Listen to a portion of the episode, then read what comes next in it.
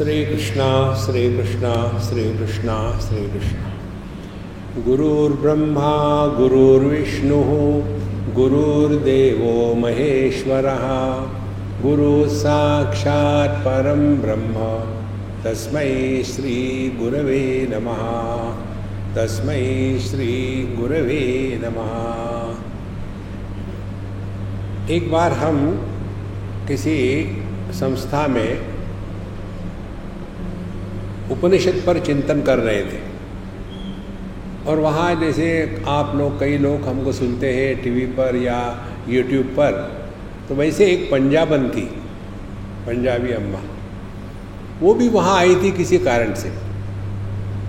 और फिर उसने देखा कि मेरे लेक्चर हो रहे तो आके बैठी। हमारे लेक्चर फ्री होते पैसे नहीं लगते।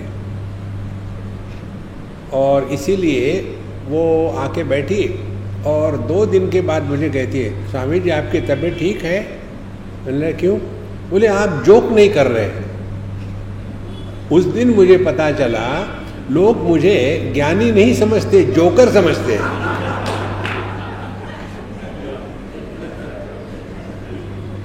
तो महाराज। ये इतनी सरल बात है कि अध्यात्म में हंसना खेलते रहना माने चौबीस घंटे है, है करते रहना ये है क्या? देखो मुझे अभी ये कह रहे थे पीडी जी महाराज। स्वामी जी जो सामने बैठ कर के होता है ना सी अब कब तक के हम के जी वन के जी टू में बैठे रहेंगे? छोटा बच्चा है जब के जी वन के जी टू में जाता है और उंगलियों से गिनता है एक दो तीन कितना सुंदर दिखता है। अरे बूढ़ा होने के बाद भी ऐसे करेगा क्या? देखो, आनंद का तात्पर्य हमने दो बातें सीख ली है। एक बात यह है सर्वम परवशम दुखम सर्वम आत्मवशम सुखम एक एतद विद्यात समासेन लक्षणम सुख दुख यो हो जो व्यक्ति अपने आप में मस्त रहता है, उसको कहते हैं मौज में रहना। हमको हमेशा कंपनी चाहिए। कारण क्या है? हम अपने आप से बोर हो गए। ये ट्राई करके देखो। Fix appointment with yourself every day at least three four times in a day तीन, चार बार। हर बार ज़्यादा मत करना। हर बार दस मिनट। कहीं भी बैठो। और उस समय क्या करना? आप लोगों ने कई योगों के नाम सुने होंगे। हमारा योग भिन्न है। हमने उस योग का नाम दिया है कमोड योगा। सुबह उठने के बाद ब्रह्म मुहूर्त पर कमोड योगा करो। जाके बैठे और बैठने के बाद अपने आप से मत बोलो। वहाँ दूसरा तो बोलने को है ही नहीं। तो हम अपने आप से बोलते रहते कुर कुर गुरु गुरु गुरु और भूल गए किसके लिए बैठे, और बाहर से ठक ठका दे, अरे जल्दी आओ, भगवान, कितना टाइम लगा रहे। तो एक बच्चे ने अपने माँ से पूछा, भगवान, वहाँ रहते हैं क्या? क्योंकि दादाजी जब अंदर जाते हैं तो लोग कहते हैं, भगवान, जल्दी आ जाओ बाहर। देखो महाराज, प्रसन्न रहना, खुश रहना हैप्पी रहने का तात्पर्य we are at peace with ourself हमको किसी के भी कंपनी की कभी भी आवश्यकता नहीं है। तब आप खुश हो। हमको कुछ ना कुछ चाहिए, कुछ नहीं तो फ़ोन ही देखो, मुझे गणेश जी मेरे सपने में आया और मुझे बताया कि, बेटा, कुछ करो। मैंने क्या करूँ? भगवान बताइए। बोले, लोग यहाँ आते हैं पेंडाल में, मेरे तरफ़ देखता ही नहीं कोई। हर एक अपने फ़ोन में ही देख रहा है। कारण क्या है? हम अपने आप से ऊब गए हैं। देखो महाराज, मौज में रहे तात्पर्य ये नहीं कि खस रहे, खेल रहे, कूद रहे, ये सब करो। लेकिन अपने आप से दूर मत बिछड़ना।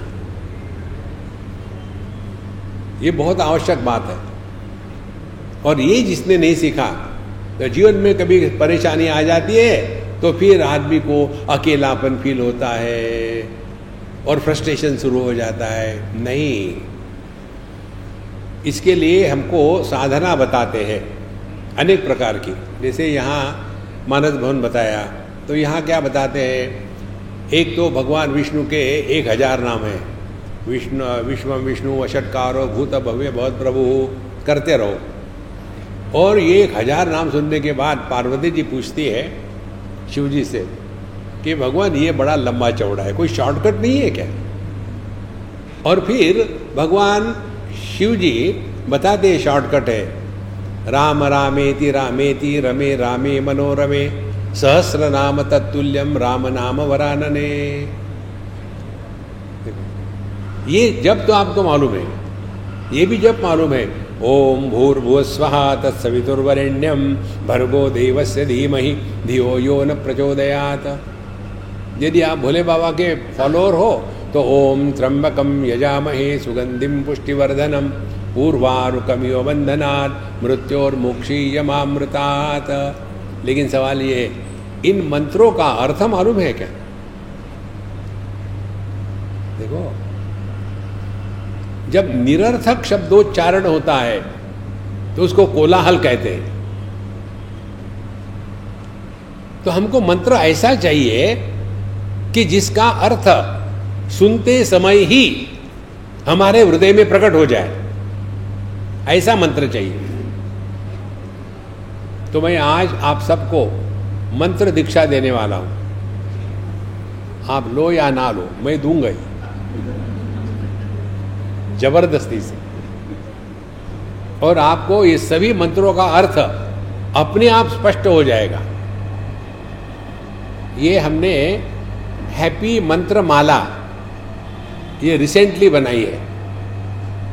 ये भी हमको एक बार हम ऐसे बैठे थे, अपने आप में मस्त बैठे थे, उस समय जैसे धड़ धड़ धड़ एकदम शुरू हो गई।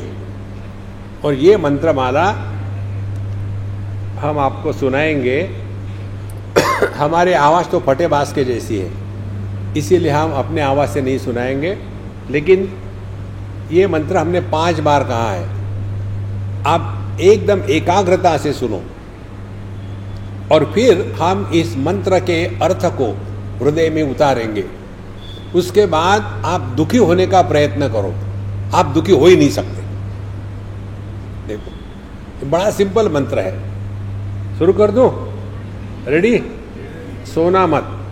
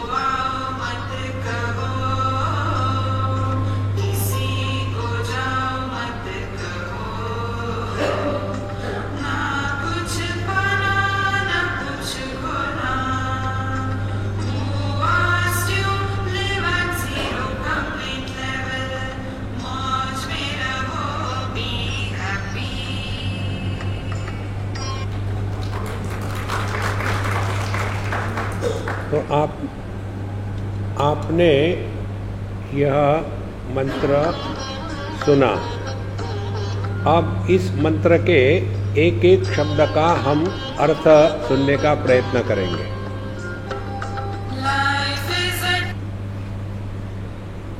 अब ये जितने भी मंत्र हमने सुने हैं, अब उस पर चिंतन करना है।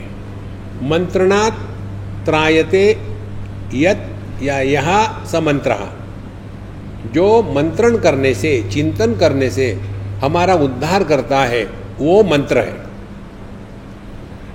हम लोग नॉर्मली मंत्र कैसा करते हैं हाथ में माला लेते हैं और रम रम रम रम रम रम रम रम रम रम और भगवान राम का सर खाते हैं आप अपने घर में देखो छोटा बच्चा यदि मम्मी के पीछे लगा रहे मम्मी मम्मी मम्मी मम्मी, वो पूछे कि बेटा क्या चाहिए? मम्मी मम्मी, तुमको चाहिए क्या? मम्मी मम्मी, क्या करके वो एक लगाएगी चुप, सर खा रहा है। भगवान का सर मत खाओ। देखो संतो तो अर्थ हमको प्रकट करना है। तो पहला यह है life is a time pass अब इसको ठीक से समझ लो, ये हमको मंत्र कहाँ से मिले? एक बार हम कहीं गए थे हमेशा की तरह खाना खाने के लिए, और हमेशा की जैसे हमको रुकना पड़ता है।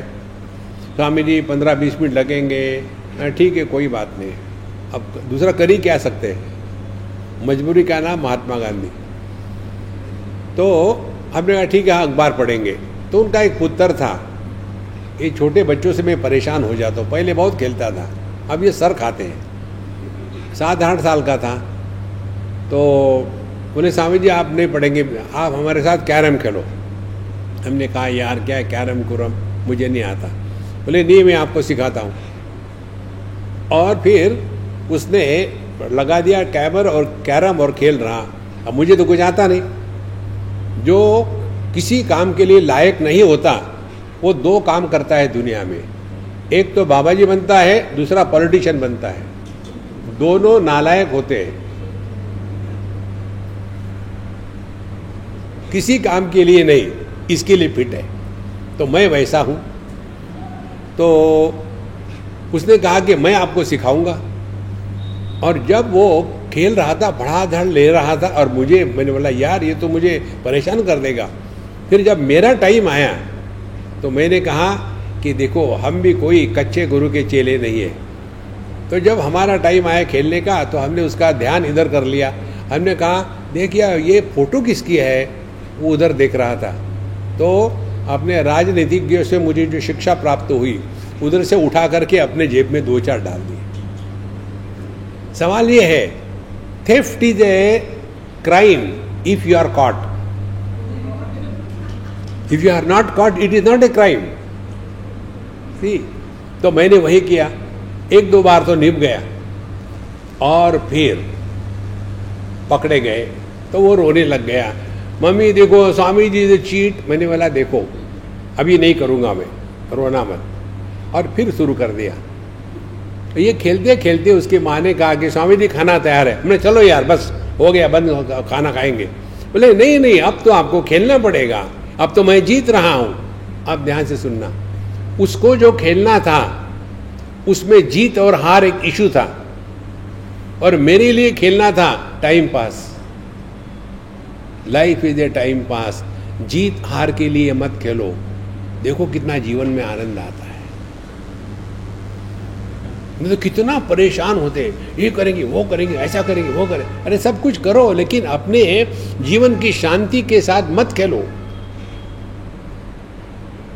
देखो, नहीं तो बहुत सारा पैसा है, सब कुछ है, लेकिन मन में अशांति का तूफ़ान है। क्या करोगे उसको लेकर के? इसीलिए जब आप लेते हो लाइफ जैसे एक सज्जन ने मुझे पूछा था कि स्वामी जी आप इतने दुनिया में घूम के लेक्चर देते, लोग तो सुधरते नहीं। तो आपको दुख नहीं होता? हमने कहा, मुझे कोई पागल कुत्ते ने काटा है, मुझे क्यों दुख होगा? लोग सुधरते नहीं, उन्हें मैं चाहता ही नहीं वो सुधरे, वो दुखी रहे। तभी तो मेरा मार्केट चलेगा। देखो, आपको मालूम है कि डॉक्टरों की प्रार्थना क्या होती है? सर्वे भवंतु रोगिना। जितने भी डॉक्टर लोग हैं, ये बड़े बड़े हॉस्पिटल है, ये लोगों के बीमारी की प्रार्थना करते हैं। सर्वे भवंतु रोगिना, और हम लोग क्या करते हैं? हम भी वैसी प्रार्थना करते हैं। सर्वे भवंतु अज्ञानी जितने लोग अज्ञानी हो गए, उतना हमारा मार्केट बना रहेगा। इस दुनिया में फंसो मत रे बाबा। Life is just a time pass हम जब नहीं थे दुनिया में तो कोई कमी नहीं थी।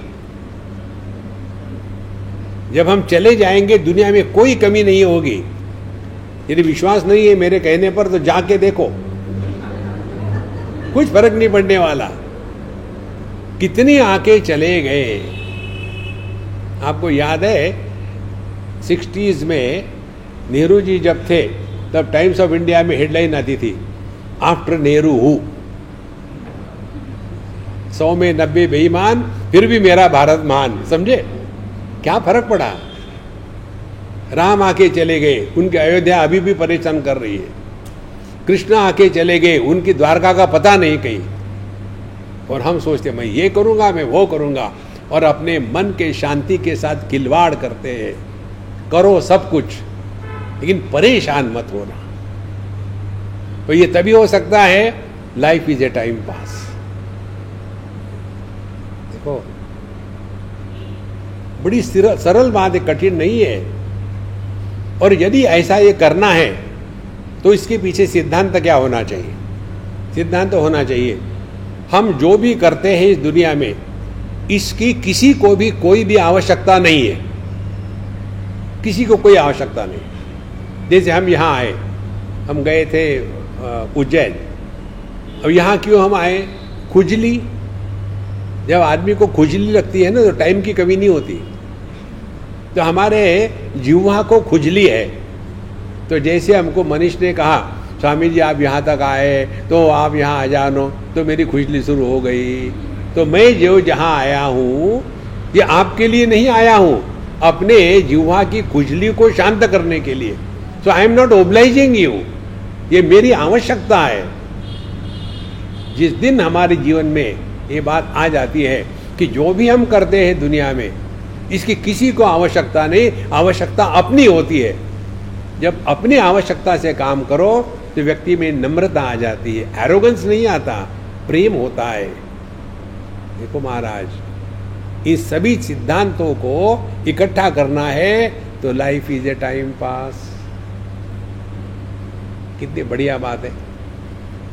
यदि इसको हम समझ लें ठीक से तब जाकर के जीवन में परिवर्तन आएगा। अच्छा महाराज, इसके बाद दूसरा आता है, क्या फ़र्क पड़ता है? दूसरा मंत्र। क्या फ़र्क पड़ता है माने? कोई निंदो, कोई वंदो, कोई कैसे कहो रे, राम सांगे प्रीत बांधी होत जैसे होत रे। क्या फ़र्क पड़ता है? कोई आपकी तारीफ़ करे, कोई आपको गाली दे। दोनों से अपने को कोई फ़र्क नहीं पड़ता। चिकने घड़े हो जाओ। ये तो किसी ने कहा कि आप बड़े सुंदर है, फुदकने लग गए। इसके एक आपको घटना बताता हूँ। हम थे न्यूजीलैंड में थे। हमारे होस्ट, उनकी लड़की होगी कोई 20 साल की 21 साल की। हम लोग वॉक करने गए। कहीं समुद्र के पास जाना था। तो मैं तो आलसी हूँ। तो मैंने कहा, यार, मैं नहीं आता, तुम जाके आओ। तो वो लड़की कहती है स्वामी जी, देखो how beautiful it is looking कितना सुंदर दिख रहा है। चलो वहाँ तक। हमने कहा, तुमको मालूम है क्या? जो सुंदर दिखता है, वो सुंदर होता नहीं। बोले, इसका मतलब क्या है? मतलब मैंने, जैसे तुम सुंदर दिखती हो। उसके बाद तीन दिन तक मेरे से बात नहीं करी। क्या फ़र्क पड़ता है? क्यों परेशान हो? किसी के कहने से हम बड़े नहीं होते। किसी के कहने से हम छोटे नहीं होते। हमको पता है हम क्या है। क्या फ़र्क पड़ता है? लेकिन हम छोटी छोटी बातों को लेकर के बहुत बड़ा इशू बना लेते हैं लाइफ में। और इसका नेट रिज़ल्ट यही है, अपने मन के शांति को खो देते हैं। देखो मन चंगा तो कटौती में गंगा।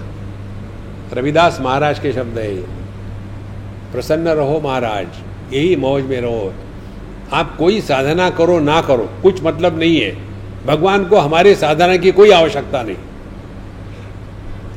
नहीं तो कई जगह होता है, साधना माने क्या? रोना धोना, भगवान जा रहे थे, केवट आया, फिर आए फिर रोना। अरे यार, मज़े के लिए भगवान नाटक कर रहे थे।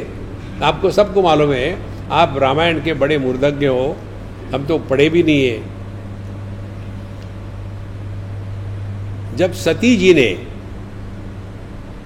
भगवान को पूछा माने शिव जी को पूछा, ये तो साधारण मनुष्य है, और आप इनको भगवान कह रहे हैं, कितना रो रहे हैं पत्नी के लिए। लेकिन उनको अंदर की बात मालूम नहीं थी। अंदर की बात क्या थी? तेरह साल चित्रकूट में मौज में रहने के बाद चौदहवें साल भगवान श्री कृष्ण बाहर निकले और निकलते समय उन्होंने सीता मैया को बताया, तुम अपने असली रूप को अग्नि तत्व में छुपा दो और जीरोक्स कॉपी ले आओ बाहर। तो भगवान कृष्ण के, भगवान राम के पीछे जीरोक्स कॉपी चल रही थी ओरिजिनल नहीं थी। ये केवल राम जी को और सीता जी को पता था, लक्ष्मण जी को भी पता नहीं था। लेकिन उन्होंने नाटक कितना किया हे पेड़ो, हे पौधो, मेरी सीता कहाँ है? रोना धोना। अरे यार, ये सब नाटक ही नाटक चल रहा है। जब भगवान ने नाटक किया, जब कृष्ण ने नाटक किया तो हम क्यों ना नाटक करें? इसीलिए कर्नाटक। जैसे अभी आप क्या कर रहे नाटक। मानो सुन रहे हैं। तो आप सुनो, ना सुनो, क्या फ़र्क पड़ता है? मेरा तो टाइम पास हो रहा है। देखो संतो, ये सिद्धांत कोई जीवन में ले लो आप। आप कभी दुखी नहीं होगे।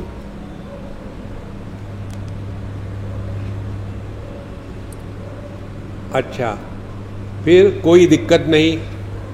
कोई भी काम करने के पहले तीन प्रकार के लोग होते हैं। एक तो जो काम कठिन होगा, ये कल्पना करके शुरू ही नहीं करते। वो पुरानी एम्बेसडर कार के जैसे। धक्का मारो तो भी नहीं चलेगी। पहले प्रकार के लोग। दूसरे प्रकार के लोग आरंभ शूर होते हैं। बड़ा जोश में शुरू करेंगे और थोड़ा करके छोड़ देंगे, यार अपने से नहीं होता।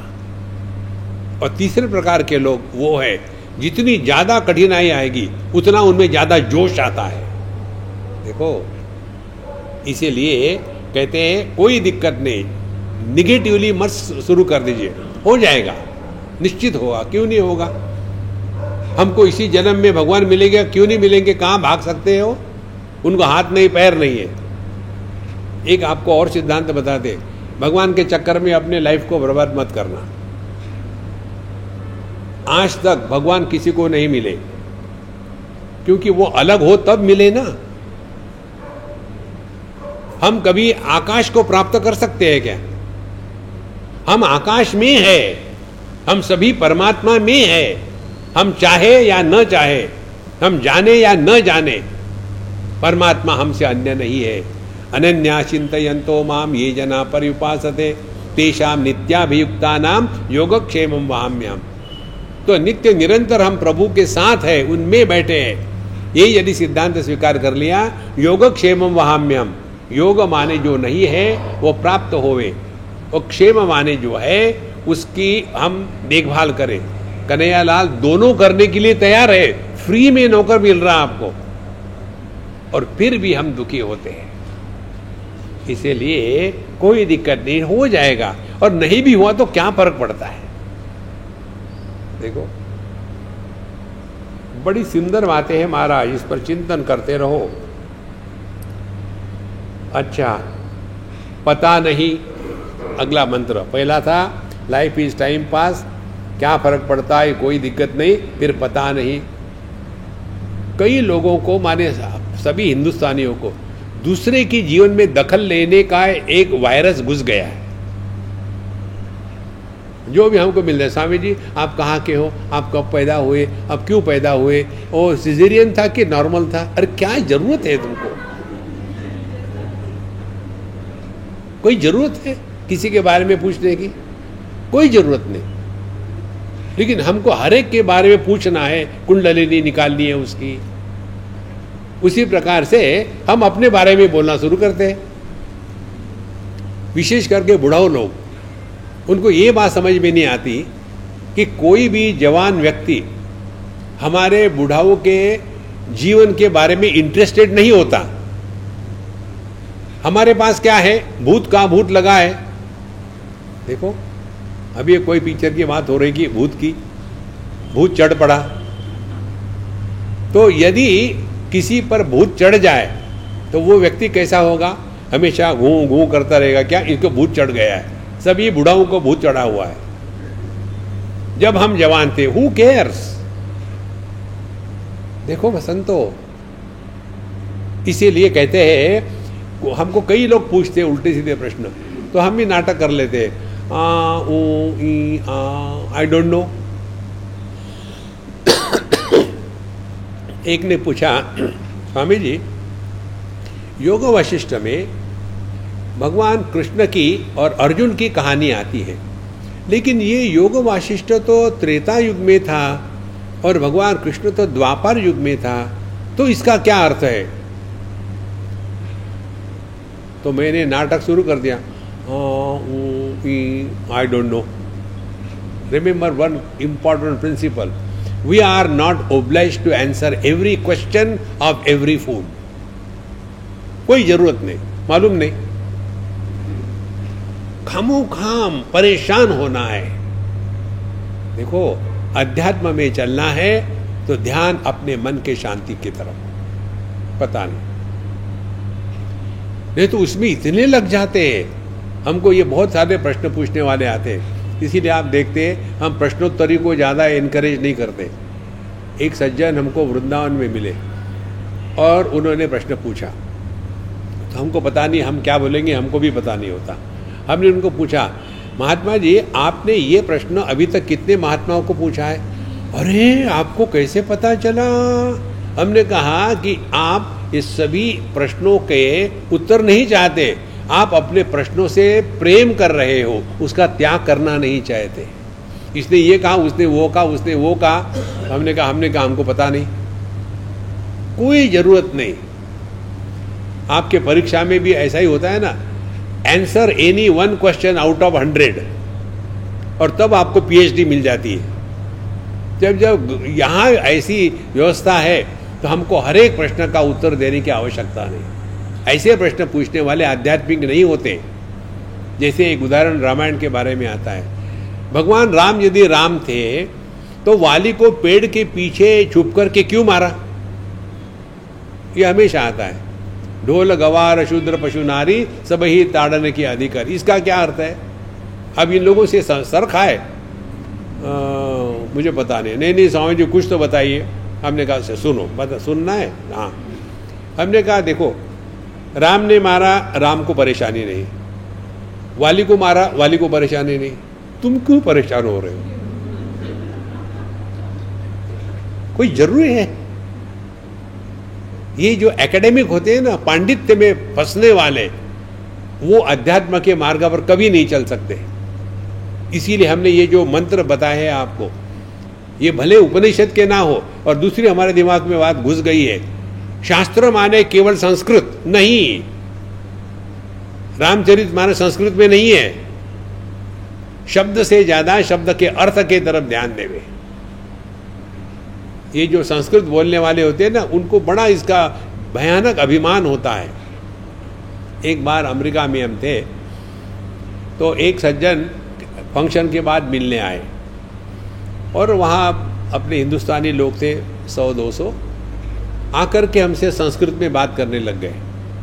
हम उनको उत्तर अंग्रेज़ी में दे रहे थे। तो उन्होंने कहा कि आप संस्कृत में क्यों नहीं उत्तर देते? मैंने कहा, मुझे आता ही नहीं।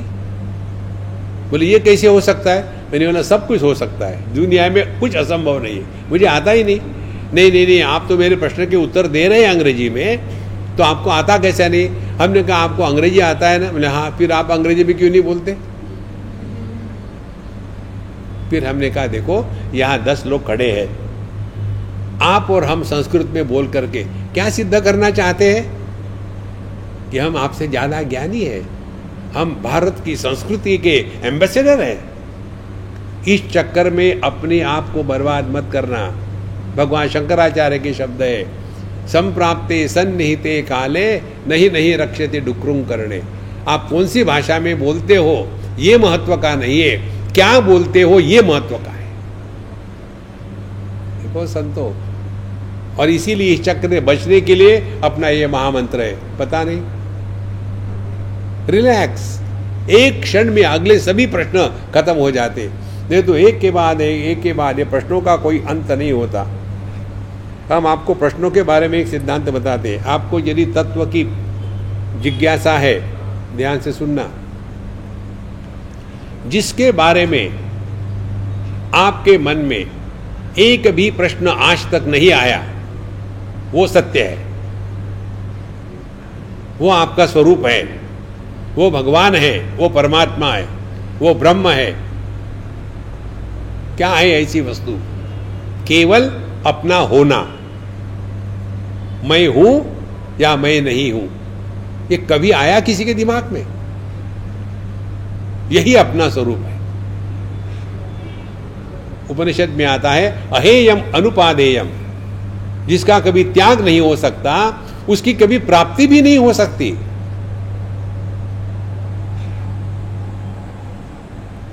इसको कहते हैं मौज में रहो।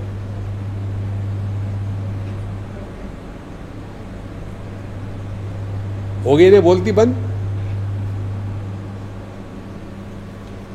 नहीं तो खुसर खुसर चलते रहता है। उन्होंने ऐसा क्यों किया? उन्होंने ऐसा किया। ये उपनिषद किसने लिखे थे? क्यों लिखे थे? अरे चिक चिक चिक यूजलेस फेलोज इसीलिए ये प्रश्नों के चक्कर में ना पड़े।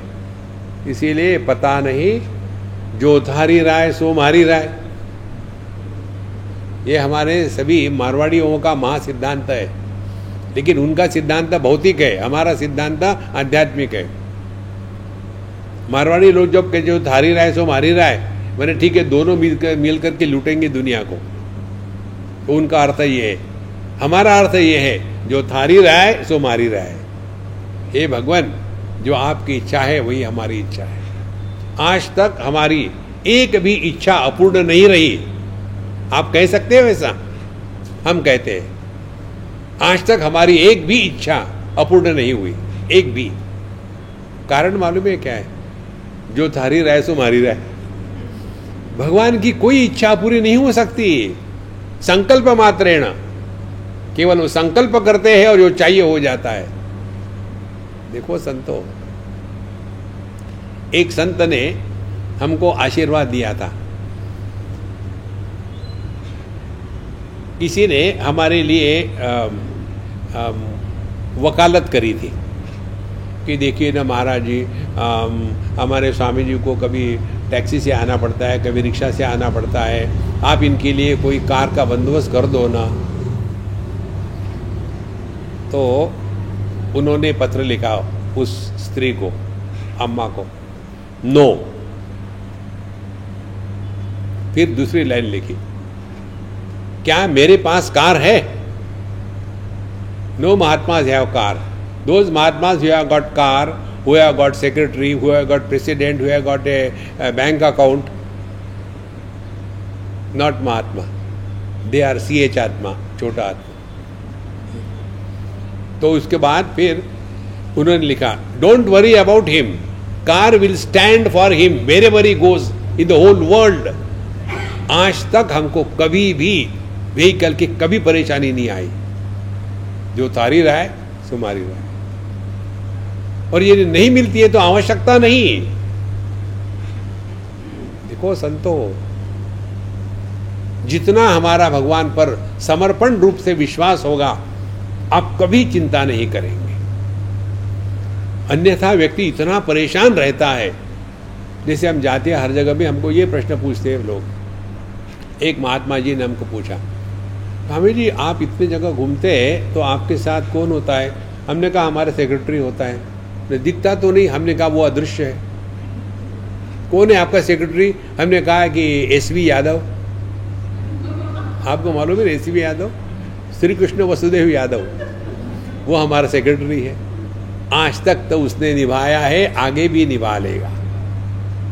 देखो, जो थारी राय, सोमारी राय नहीं तो बाबा जी माने क्या? फिर उनके साथ उनका लवा जमा होता है और फिर कोई एक आसन लेके चलने वाला होता है। जहाँ बैठेंगे, वहाँ आसन रखेंगे। वहाँ का गद्दा खराब न हो जाए। भगवान जाने क्या है।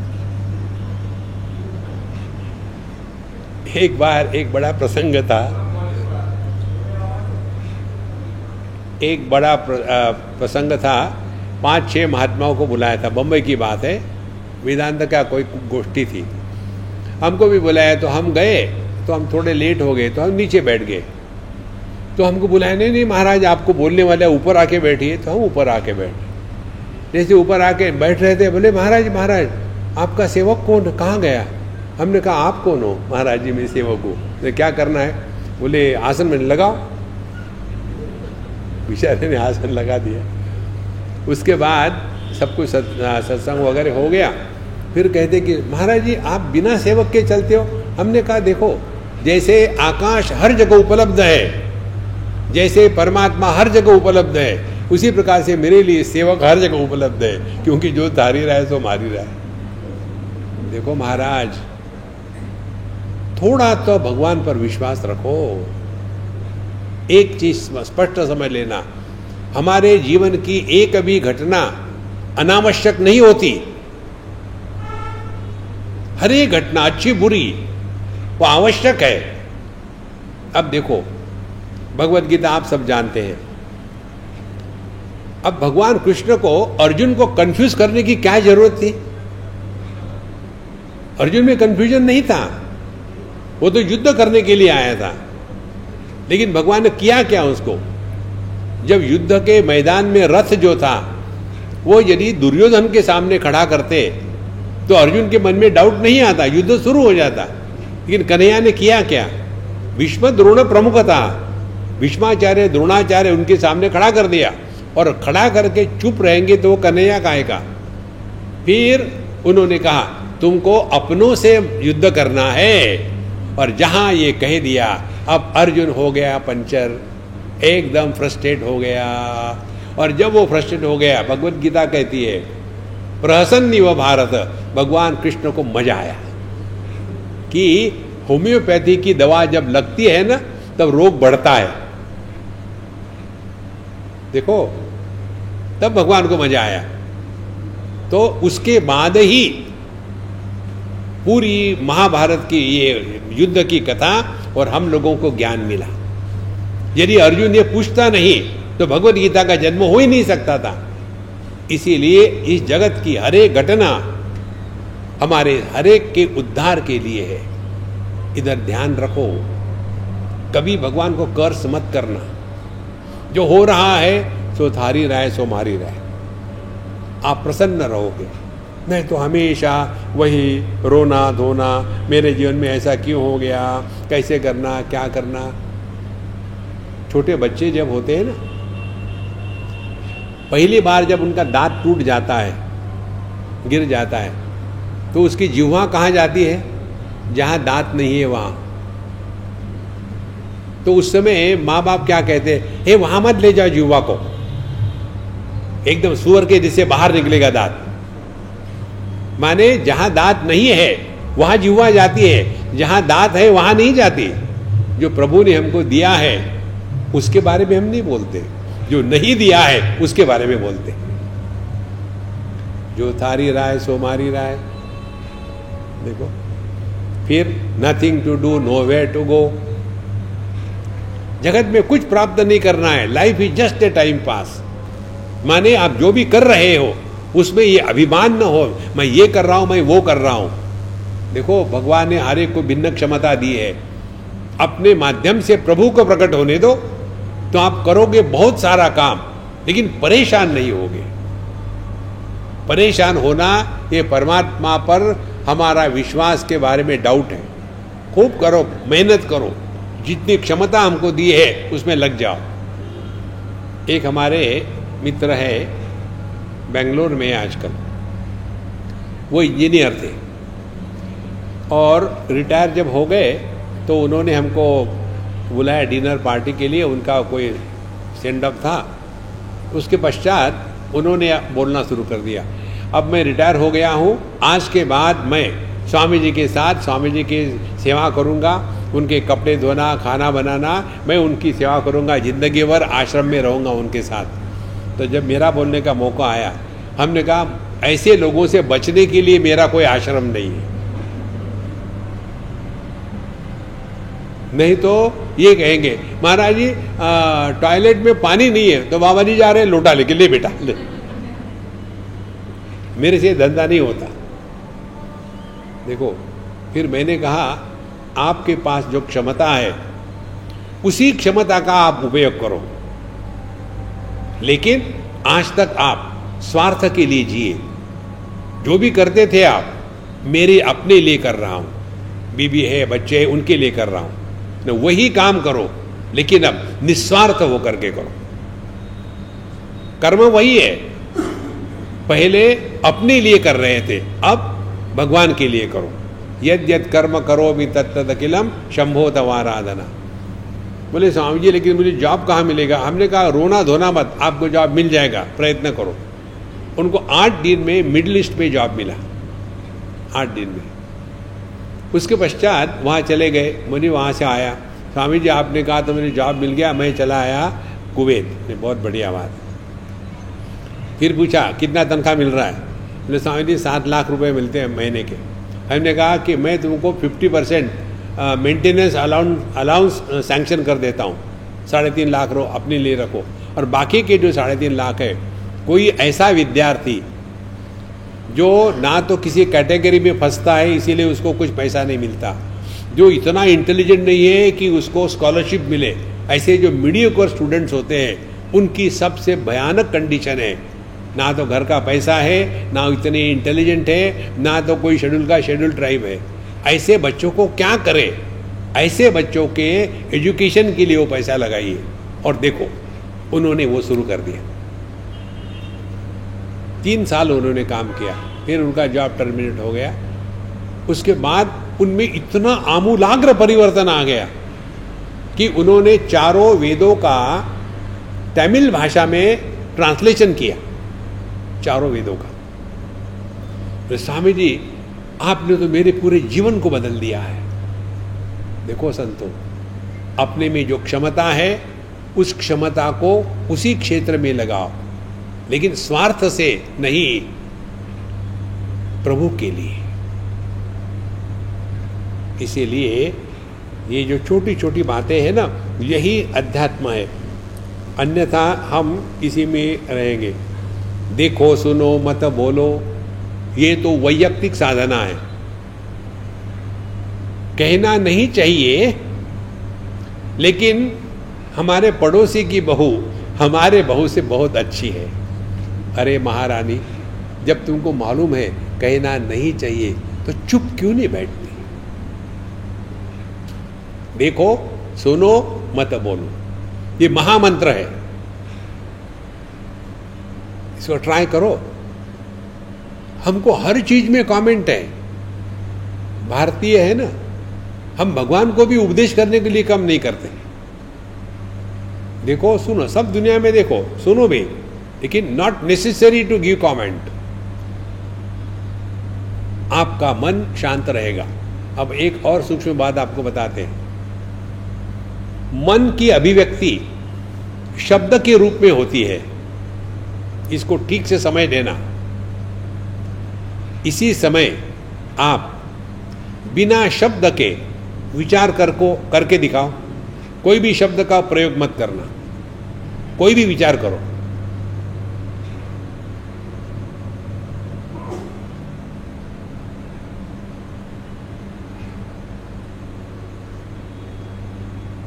कर सकते हैं।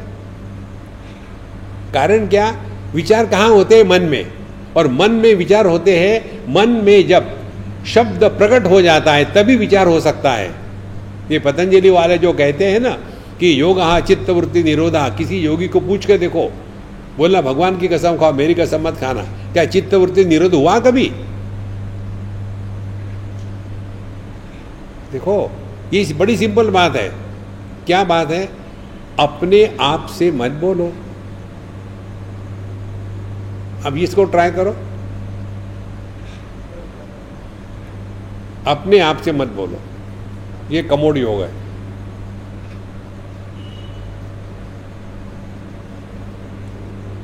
चित्तवृत्ति निरुद्ध हो गया। तो देखो, सुनो, मत बोलो का अर्थ क्या हो गया? मन प्रकट होता है अंदर और बाहर। ये बड़ी सूक्ष्म बात है, ध्यान से सुनना। परमात्मा की अव्यक्त स्थिति को परावाणी कहते हैं। अब यह परमात्मा प्रकट होने के लिए तैयार हुआ है, लेकिन प्रकट नहीं हुआ, उसको कहते हैं पश्चंती वाणी और ये पश्चंती वाणी प्रकट हो गई है, लेकिन सूक्ष्म रूप से, उसको कहते हैं मध्यमा वाणी और यही परमात्मा पूर्ण रूप से प्रकट हो गया, उसको कहते वैखरी वाणी। वैखरी वाणी का अनुभव वो है, जहाँ शब्द और उसका अर्थ अलग अलग होते हैं। जैसे मोबाइल फ़ोन, ये शब्द हमारे मन में है और हमारे हाथ में वो वस्तु है तो हम अभी जागृत अवस्था में हैं। स्वप्नावस्था में शब्द और उसका अर्थ दोनों केवल विचारात्मक होते, वृत्त्यात्मक होते हैं, वहाँ वस्तु नहीं होती। वो मध्यमा वाणी है। पश्चंती वाणी में अभी शब्द और अर्थ अलग अलग नहीं हुए। इसीलिए साधु संतों का निवास पश्चंती वाणी में होता है। तो जो वो कहते हैं, वो हो जाता है, क्योंकि वहाँ शब्द और अर्थ अलग अलग नहीं है। और पश्चंती वाणी का ओरिजिन जो है, वो परावाणी है, और परावाणी परमात्मा की अभिव्यक्ति है। इसीलिए ये मन जो है, यही वाणी है। अलग अलग नहीं है। जैसे पुरुष है, वही पति है। पुरुष हमेशा खुश रहता है, पति हमेशा दुखी रहता है। देखो, मन हमेशा खुश रहता है, वाणी हमेशा दुखी करती है। परमात्मा हमेशा खुश है, मन हमेशा दुखी है। अपने स्वरूप के पास जाओ तो मौज ही मौज है। इसीलिए ये देखो, सुनो, मत बोलो का अर्थ हो गया। दो बातें महत्व की। हम अन्य से बोलते हैं और अपने आप से बोलते हैं। पहले अपने आप से बोलने का धंधा कम कर दें। और इसके लिए आपको बाहर की किसी भी वस्तु विशेष की आवश्यकता नहीं। जहाँ भी बैठो, दो मिनट के लिए इसका अभ्यास करो कि दो मिनट के लिए हम अपने आप से नहीं बोलेंगे।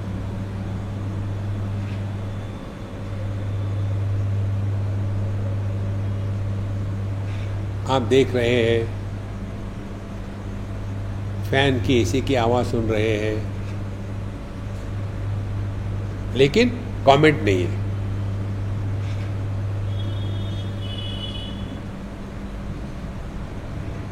आँखें बंद करने की कोई ज़रूरत नहीं।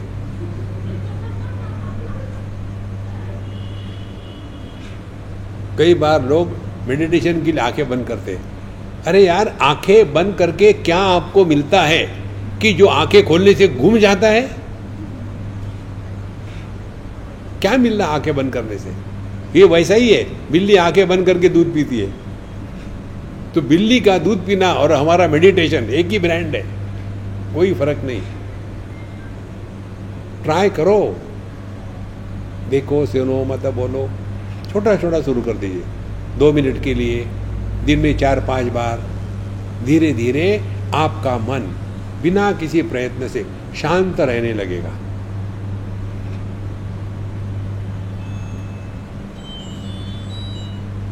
समझो आपने दो मिनट एक एक समय किया और दिन में पाँच, छह बार किया तो आपके दस मिनट का मेडिटेशन हो गया। आपने मेडिटेशन किया नहीं, मेडिटेशन हो गया। ये तो जब हम अपने आप से परेशान होते हैं तब। अब अन्य से किसी के भी साथ किसी भी विषय पर कोई भी बात करने के पहले अपने आप से पूछ लो, क्या बोलना आवश्यक है? कितनी बार हम बोल देते, कोई ज़रूरत नहीं होती। देखो, आपको किसी ने पूछा क्या?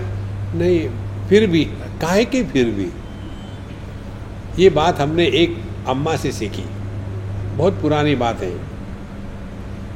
हम उस समय जवान थे और बद्रीनाथ की बात थी। एक वहाँ भगवती अम्मा थी। नेपाल का शरीर था उनका और हमसे बहुत प्रेम था। तो हम जा कर के दर्शन कर लिए जा कर के उनके कुटिया में जाते थे और उनके गोद में लेटते थे। वो हमारे दाढ़ी से खेलती थी और कहानी बताती थी। बहुत ही प्यार। एक दिन मैंने कहा कि अम्मा, अब मैं लेक्चर देना बंद कर देता हूँ। बहुत हो गए लेक्चर तो वो बहुत ज़ोर से हंसने लग गई। हमने कहा, कौन सा जोक हो गया? क्यों हंस रही हो? बोले, हंस रही इसलिए तुमको किसने पूछा कि तुम लेक्चर दोगे कि नहीं दोगे? ध्यान से सुनना। कितना हम बोलते हैं? किसी ने पूछा है क्या? क्या भगवान ने पूछा तुमको कि लेक्चर दोगे कि नहीं? नहीं। दुनिया ने पूछा? नहीं। फिर क्यों बोल रहे हो? देखो महाराज, उस दिन मुझे ये पता चला, हम कितनी अनावश्यक बातें बोलते हैं। कोई हमको पूछता नहीं। हम ही बताते। मैंने ये सोचा है। सोचते रहो। देखो संतो तो अन्य के साथ किसी भी विषय पर कोई भी बात करने के पहले अपने आप से पूछो, क्या बोलना आवश्यक है?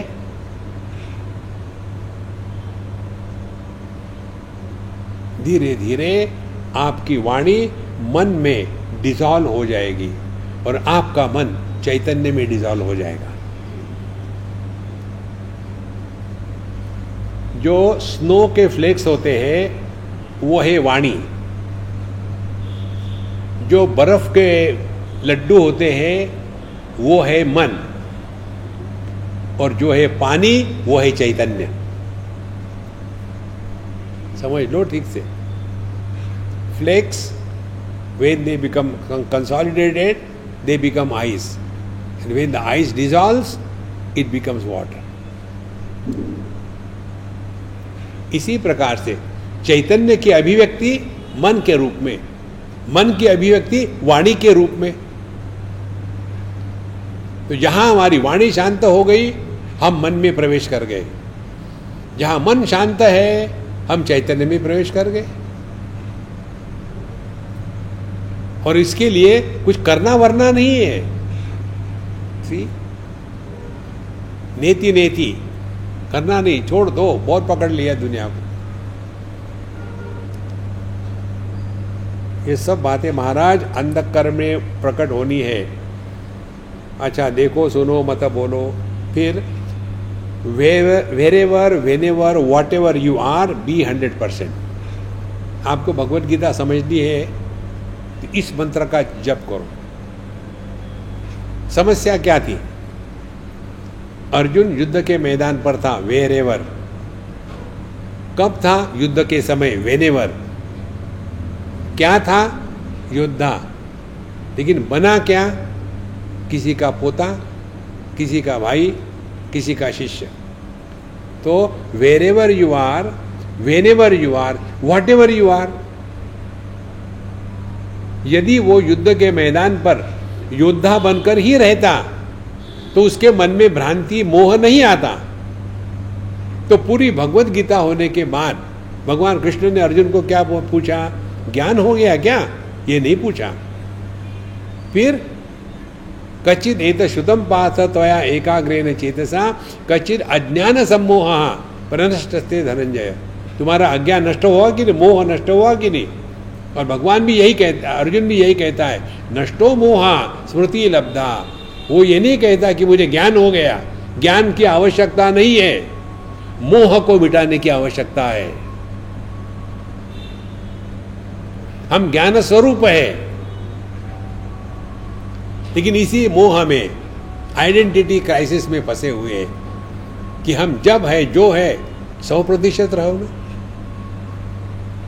तो यदि आप विद्यार्थियों के सामने हैं तो you are only a teacher that's it देखो, इसका आपको गणित बताते बड़ों के सामने है तो हम बच्चे हैं। तो फिर वहाँ बच्चे बन के रहो। कैसे बच्चे बन के रहो? बड़ों को आदर सम्मान करो, कैसे आदर सम्मान करो, उनके किसी भी प्रश्नों को लेकर के आर्ग्यूमेंट मत करना। वो जो कहते हाँ कह दो। थोड़ी देर में वो भूल जाएगी, आपकी समस्या खत्म हो जाएगी। आर्ग्यूमेंट मत करना कभी। रिस्पेक्ट एल्डर्स दैट्स ऑल फिर आप अपने छोटे लोगों के सामने हैं तो कैसे करना? फर्गिव देम हाँ बच्चे गड़बड़ नहीं करेंगे तो कौन करेंगे? बुढ़ाओ करेंगे। देखो, और ऐसा देखा जाए ना तो पूरी दुनिया में गड़बड़ करने वाले बच्चे नहीं होते कहीं भी देखो, जितने भी गड़बड़ करने वाले सब बुढ़ाऊ होते हैं। मुझे बता, कौन सा बच्चा, कौन सा मिनिस्टर है जिसने पैसे खाए? देखो संतो, महाभारत का युद्ध। उस समय भगवान कृष्ण 89 इयर्स, बुढ़ाऊ। अर्जुन 86 इयर्स। देखो संतो, धीरे धीरे ये बात समझ में आती है। इसीलिए जैसे जैसे ये बातें समझ में आ जाती है तो यही है कि हमको सबके साथ रहना है और याद रख रखना है, हम कहाँ हैं? बड़ों के सामने आदर सत्कार, मित्र हैं तो दोस्ती, छोटे हैं तो भूल जाओ, माफ़ कर देना। ये सब बोल ही रहे आप, मुख्य तो बता ही नहीं रहे। क्या मुख्य नहीं बताया? पत्नी के सामने कैसे रहे? इससे तो सबसे सिंपल मंत्र है। जब पत्नी बोलती है तो आप चुप रहो। जब वो चुप है तो आप बोलो मत। आपके जीवन में ओम शांति शांति शांति, जो थारी है सो मारी है देखो wherever whatever whenever you are be hundred percent अब अर्जुन ने किया क्या? युद्ध के मैदान में वो पहले बना किसी का पोता, किसी का शिष्य, और आखिरी में क्या बना? योद्धा बना। हमारी सबकी यही समस्या है। हम कहीं ना कहीं फंसे हुए हैं। हमको सबको कर्नाटक। इसीलिए इसके बाद का मतलब मतलब है कर्नाटक। नाटक करो। नाटक करना माने क्या? ध्यान से सुनना। नाटक करने वाला एक्टर अपना रोल बेस्ट प्ले करता है। लेकिन ये रोल प्ले करते हुए भी उसको ये भ्रांति नहीं होती कि मैं कुछ कर रहा हूँ। नहीं। देखो, जैसे एक व्यक्ति नाटक करता है स्टेज पर कि मैं छत्रपति शिवाजी हूँ, मैं ये करता हूँ, वो करता हूँ, बड़ा अकड़ के चल रहा है। उस समय भी उसको पता है कि वो ऑर्डिनरी पति भी नहीं, छोड़ो छत्रपति। लेकिन एक्टिंग कितनी बढ़िया होती है। इसी प्रकार से जैसे आप बैठे सुन रहे हैं कितनी बड़ी एक्टिंग हो रही है। देखो संतो कर्नाटक नाटक करो। और जब आप नाटक करोगे तो दो बात होगी। जो आपको जब करना है उसमें परफेक्शन आएगा। हमारी कंडीशन क्या है? हम आ, खाना बना रहे हैं। उस समय ध्यान होता है फ़ोन के तरफ़। फ़ोन देखते हैं उस समय ध्यान होता है दूध के तरफ़। देखो। और इसीलिए हमारा मन भटक रहा है इधर उधर में। कितनी सिंपल बात है ये। जो भी आप करते हो सौ प्रतिशत रहो। खाना खा रहे एंजॉय एवरी बाइट एक बार हम किसी के यहाँ खा, खाना खा रहे थे। तो हमने कहा अरे अम्मा इसमें नमक कम है मुझे हरी मिर्च देना। बहुत दिनों से नहीं खाई। तो उन्होंने मुझे दी और कहा, स्वामी जी, हमारे ये तो कभी बोलते ही नहीं कि नमक कम है, कुछ चाहिए। मैं जो देती हूँ, खा लेते हमने कहा, देखो, मैं आदमी हूँ, मैं भैंस नहीं हूँ। भैंस कभी मांगती है क्या? थोड़ा नमक देना जा रहा जो करते हो take full interest enjoy every bite ये तो क्या खाया? अरे, मैंने खाना खा लिया। मुझे पता ही नहीं। अरे dumbo this is not spiritual life ever you do enjoy fully hundred percent तब देखो जीवन का आनंद कैसा होता है। नहीं तो हमारी स्थिति, एक दिल के टुकड़े हज़ार हुए, कोई यहाँ गिरा, कोई वहाँ गिरा। देखो एक बार हम शिमला में थे और किसी सिंधी के यहाँ खाने के लिए गए। तो वो अम्मा ने कहा कि, स्वामी जी, आपको दस मिनट रुकना पड़ेगा। मैं खाना गर्म करती हूँ। ठीक है, कोई बात नहीं। उन दिनों में इंडिया में टीवी ताज़ा ताज़ा आया था। दो एक घंटे चलता था। तो मैंने टीवी ऑन कर दिया और पिक्चर वो जो गाने चल रहे थे, वो सुन रहा था। तो जैसे चूहे में, ये छेद में से चूहे बाहर आ जाते वैसे पाँच छः बच्चे आ गए। देख रहे हैं कि बाबा जी टीवी देख रहा है। तो मैंने कहा, यार, ये किसका गाना है? कौन गा रही है? मुझे नाम तो किसी को पता नहीं, मैं कोई ठोक दिया। बोले, आपको इतना भी पता नहीं मैंने, नहीं, ये तो रामायण में आता ही नहीं। तो फिर उन्होंने बोलना शुरू कर दिया, अच्छी बात हो गई। फिर खाना आया तो मैंने सबको कहा, लाइन में खड़े रहो। एक एक आ जाओ, मैं सबको खिलाता हूँ, फिर मैं खाऊँगा। हर एक को एक एक और खिलाया, फिर मैं खाना खा लिया। वो सब होने के पश्चात फिर हम लोग बैठे, उसके उन लोगों की दादी भी बैठी और बच्चे ने प्रश्न पूछना शुरू कर दिया। दादी स्वामी जी टीवी देखते हम टीवी देखते हैं। स्वामी जी ने डाइनिंग टेबल पर बैठ के खाना खाया, हम वैसा खाते हैं। वो जिस थाली से खाए, उसमें से हमने भी खाए वो भी खाते हैं। तो फिर आप उनको नमस्कार करती हो, हमको क्यों नहीं करती हो? बच्चे ने पूछा। तो वो, अब शेषम कोपे न पूरे जब हमको कुछ आता नहीं तो गुस्सा करो। तो दादी माँ गुस्सा कर देगी बकवास मत किया करो। हमने कहा, अम्मा, बकवास नहीं, उसने सच पूछा है। बोले, आप बताओ, मुझे नहीं मालूम। हमने कहा, देखो, मैंने उसको पूछा, तुम मेरे प्रश्न के उत्तर दोगे? बोले हाँ देंगे। जब तुम पढ़ाई करते हो, तब तुम्हारा ध्यान क्रिकेट में होता है ना? बोले हाँ होता जब क्रिकेट करते हो तो तुम्हारा ध्यान कोई मूवी में होता है ना? हाँ होता है। जब तुम मूवी देखते हो, तब तुम्हारा ध्यान होता है, होमवर्क नहीं किया? बोले, आपको ये सब कैसे पता है? बोले, ये पकड़ मत करो। होता है बोले, ऐसा होता है। हमने कहा, हम हम जब खाना खाते हैं, तब हम खाना खाते हैं। जब बोलते हैं, तब बोलते हैं। जब सुनते हैं, तब सुनते हैं। जब चलते हैं तो चलते हैं। आप कर सकते हो ऐसा? बोले, नहीं। हमने कहा, यही फ़र्क है तुम में और हम में। इससे और सिंपल साधना क्या हो सकती है?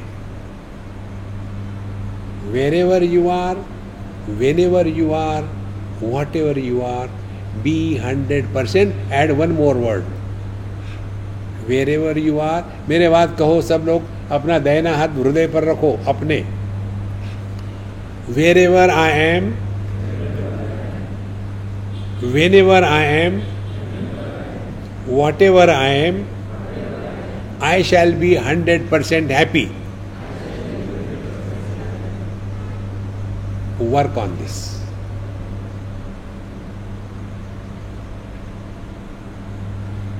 Don't justify you are miserable देखो, हम आपके हाथ में माला नहीं पकड़वा रहे, हम आपको दान धर्म की बात नहीं कर रहे, आपको नहीं कह रहे कि जाकर के गंगा जी में डुबकी लगाओ। कुछ नहीं। सच्ची अध्यात्म यही है। ना रोना है, ना धोना है, ना पाना है, ना खोना है। देखो, इसीलिए तो कर्नाटक उसके बाद आता है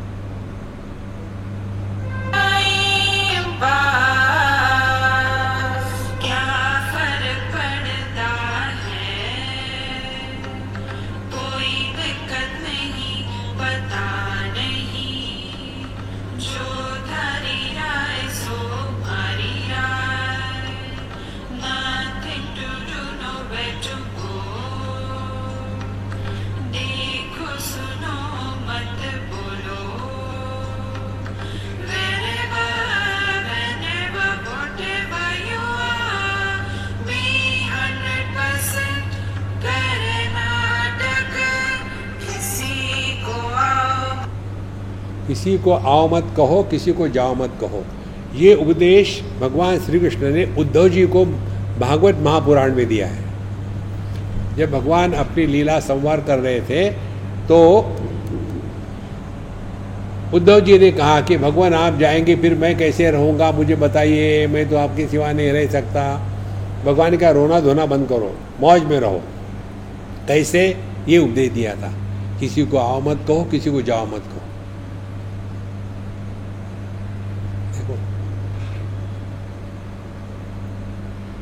किसी को आओ मत कहो, दोस्ती मत बनाओ।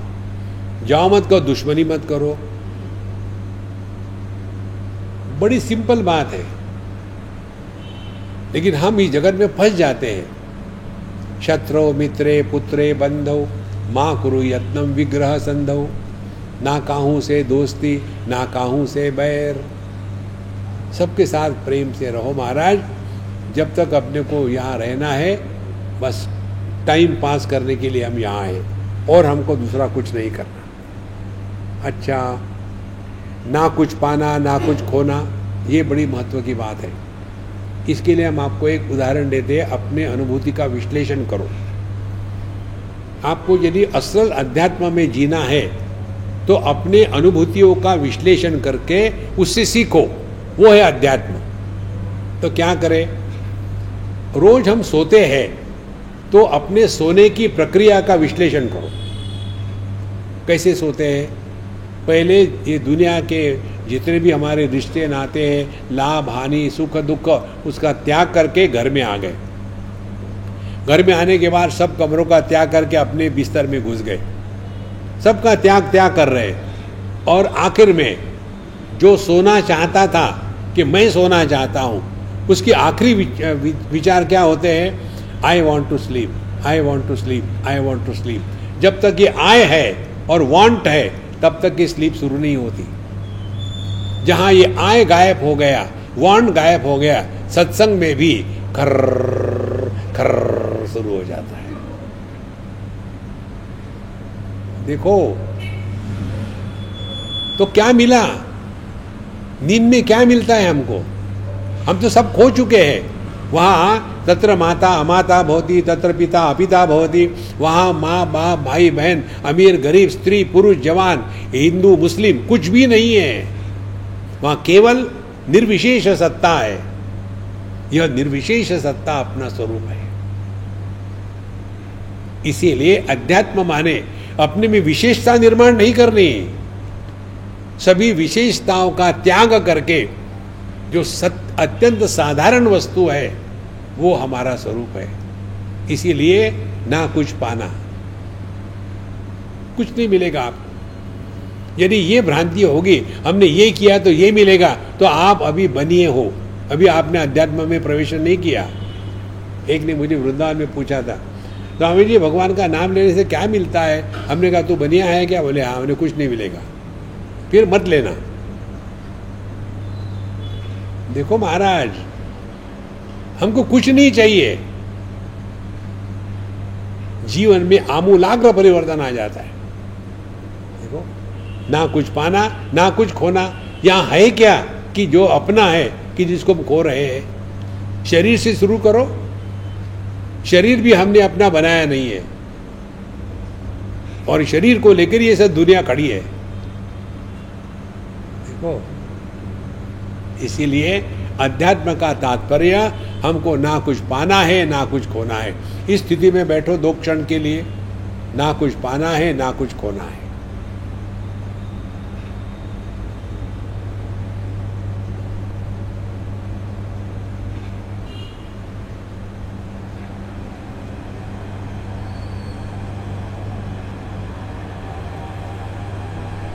आपका आसन लग गया। आपके सांस अत्यंत धीमे और हल्के फुल्के चल रहे हैं। मन में शांति का समुंदर है।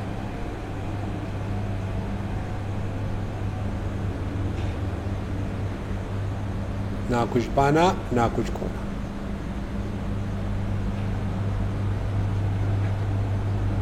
और इसीलिए nothing to do nowhere to go जब कुछ पाना ही नहीं है कहीं जाने की ज़रूरत नहीं। सब होने दो। लेकिन हर चीज़ हम करते हैं। यहाँ तक के मेडिटेशन करते हैं, भक्ति करते हैं।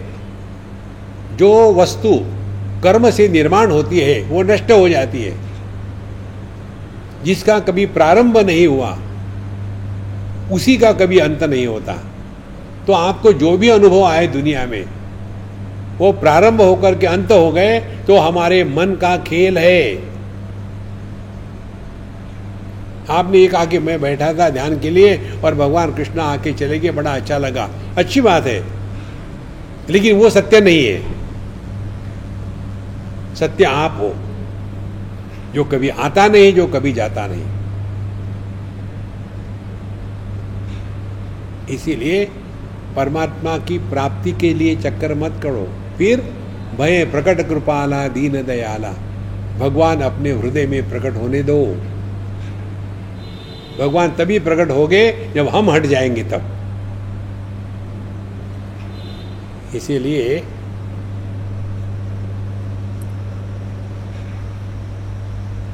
हु आस्क यू ये बताया हमने, फिर live at zero complain level कोई कंप्लेन नहीं, जो है बढ़िया है, ठीक है, बढ़िया है, बस यही सिद्धांत है। यदि हम अपने दिमाग पे ये भर के रखेंगे कि हमको कुछ प्राप्त करना है, कुछ नहीं करना है, ये सब चीज़ें हम उसी में फंसे रहेंगे। देखो live at zero complain level जो व्यक्ति कंप्लेन करता है ना, उसको प्रभु नहीं मिलते। कंप्लेन बॉक्स एक म्यूनसिपाल्टी के दफ्तर में एक आदमी गया और उसको कुछ कंप्लेन करनी थी। तो वो ढूंढ रहा कंप्लेन बॉक्स कहाँ है? मैं डाल दूँ। तो वहाँ लिखा था कंप्लेन बॉक्स एरो दिखाया। और कंप्लेन बॉक्स रखा रखा हुआ था सीलिंग के पास। तो कंप्लेन करने गया और सीलिंग के पास करो complain don't complain adjust yourself तभी जीवन में आए। इसी को कहते हैं live at zero complain level मौज में रहो बी हैप्पी इसको कहते हैं आनंद, इसको कहते हैं अध्यात्म. आप देखो, ये मंत्र जो है, ये यूट्यूब पर उपलब्ध है. हैप्पी मंत्र माला डाउनलोड करो. रोज सुनो. धीरे धीरे कंठस्थ हो जाएगा. और देखो आप में परिवर्तन आता है कि नहीं. नहीं आता तो क्या फ़र्क पड़ता है? ओम पूर्णमद, पूर्णमिदं, पूर्णात् पूर्णमुदच्यते पूर्णस्य पूर्णमादाय, पूर्णमेवावशिष्यते। शांति शांति हरि ओम श्री गुरुभ्यो नमः। हरि ओम।